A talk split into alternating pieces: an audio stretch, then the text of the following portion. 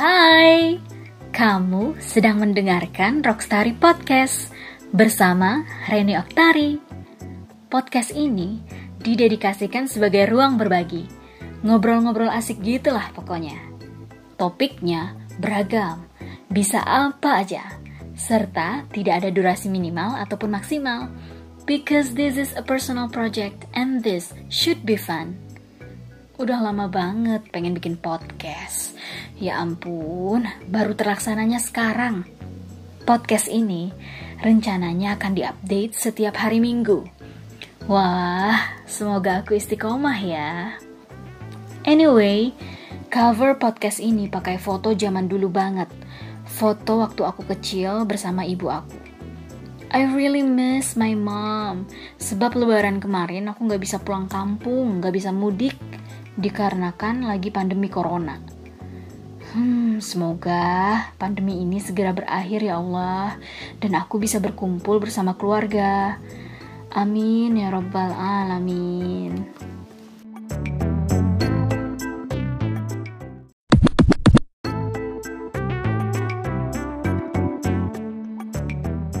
Di episode perdana ini, aku akan membahas tentang candaan seksis dan misoginis dari Menteri Mahfud MD yang katanya ia kutip dari Menteri Luhut Binsar Panjaitan. Jadi, ceritanya gini. Pada 26 Mei 2020, Pak Mahfud dalam sambutannya di acara Halal Bihalal Ikatan Alumni Universitas 11 Maret berkelakar. Saya kemarin mendapat meme dari Pak Luhut. Itu begini. Corona is like your wife Ineasily you try to control it. Then you realize that you can't. Then you learn to live with it. Yang artinya, corona itu seperti istri. Anda mencoba mengontrolnya tetapi tidak bisa. Jadi Anda belajar untuk hidup dengannya. Guyonan ini menuai kontroversi pastinya. Dan aku secara pribadi pun kecewa. Bayangin, dengerin candaan temen yang seksis dan misoginis Sebel kan, kesel kan, apalagi kalau ini keluar dari bibir seorang menteri yang tengah berpidato di hadapan publik. Dan ini menyangkut corona gitu loh. Virus berbahaya yang harus ditangani dan bukannya dijadiin bahan bercandaan. Seksisme dan misogini merupakan dua istilah yang berbeda. Tetapi keduanya saling terkait sebab melanggengkan sistem penindasan yang sama yakni patriarki. Dua istilah ini kadang tertukar karena sering digunakan secara bergantian untuk menjelaskan semua bentuk diskriminasi, penstereotipan, dan ketidaksetaraan yang dilakukan terhadap perempuan. Lantas, apa sih seksisme? Seksisme adalah paham yang membenarkan prasangka, stereotip hingga diskriminasi berdasarkan jenis kelamin. Misalnya, anggapan bahwa perempuan tuh kalau nyetir pasti nggak bener deh Sering kan dengar kayak gitu? Sering banget prejudis dan prasangka ini dijadiin bahan bercandaan misalnya. Wah, cewek mah belok kanan tapi sennya ke kiri. Nah, candaan kayak gini seksis. Atau contoh lain, misalnya diskriminasi dalam bidang pekerjaan. Ada tuh kan pekerjaan yang katanya, kata mereka yang seksis ya, pekerjaan ini lebih cocok buat perempuan atau pekerjaan ini lebih cocok buat laki-laki. Nah, itu seksis juga. Jadi, korban seksisme sebenarnya bisa perempuan, bisa juga laki-laki. Tapi memang secara historis yang panjang, perempuan adalah kelompok yang paling rentan dan paling dirugikan disebabkan oleh gender inequality atau ketidaksetaraan gender. Seksisme dan misogini emang mirip nyerempet-nyerempet gitu. Tetapi, orang yang seksis belum tentu misoginis. Sedangkan orang yang misoginis sudah pasti seksis. Nah, misoginis adalah kebencian terhadap perempuan yang wujudnya ada banyak, bisa secara fisik, secara verbal, secara psikologis. Misalnya ada laki-laki yang dia suka banget mukulin perempuan, suka banget kasar, suka banget ngatain perempuan. Nah, itu juga misogini.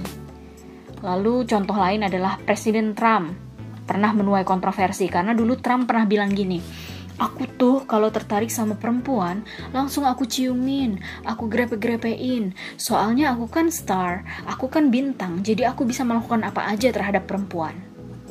Wah, parah kan Presiden Trump? Nah, itu misoginis abis. Di dunia ini nggak ada manusia mana pun yang pantas dilecehkan. Nggak ada alasan apa pun yang mewajarkan pelecehan dan perkosaan. Jadi, ketika kamu atau teman kamu atau orang yang kamu kenal mewajarkan pelecehan atau mewajarkan perkosaan, itu namanya misoginis.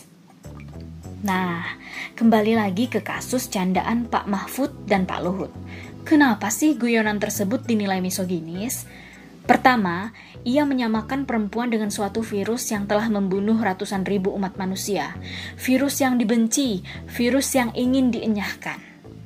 Kedua, ia mengindikasikan bahwa perempuan adalah gender inferior yang harus dikontrol atau ditaklukkan.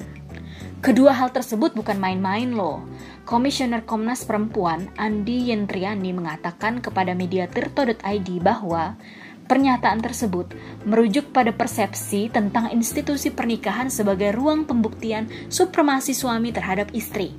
Pernyataan misogini semacam itu tanpa disadari akan berkontribusi pada budaya menyalahkan perempuan ketika perempuan menjadi korban kekerasan. Lelucon misoginis sangat bertolak belakang dengan upaya kita untuk membangun relasi yang setara antara suami dan istri di dalam pernikahan, serta relasi yang setara antara laki-laki dan perempuan di ruang publik.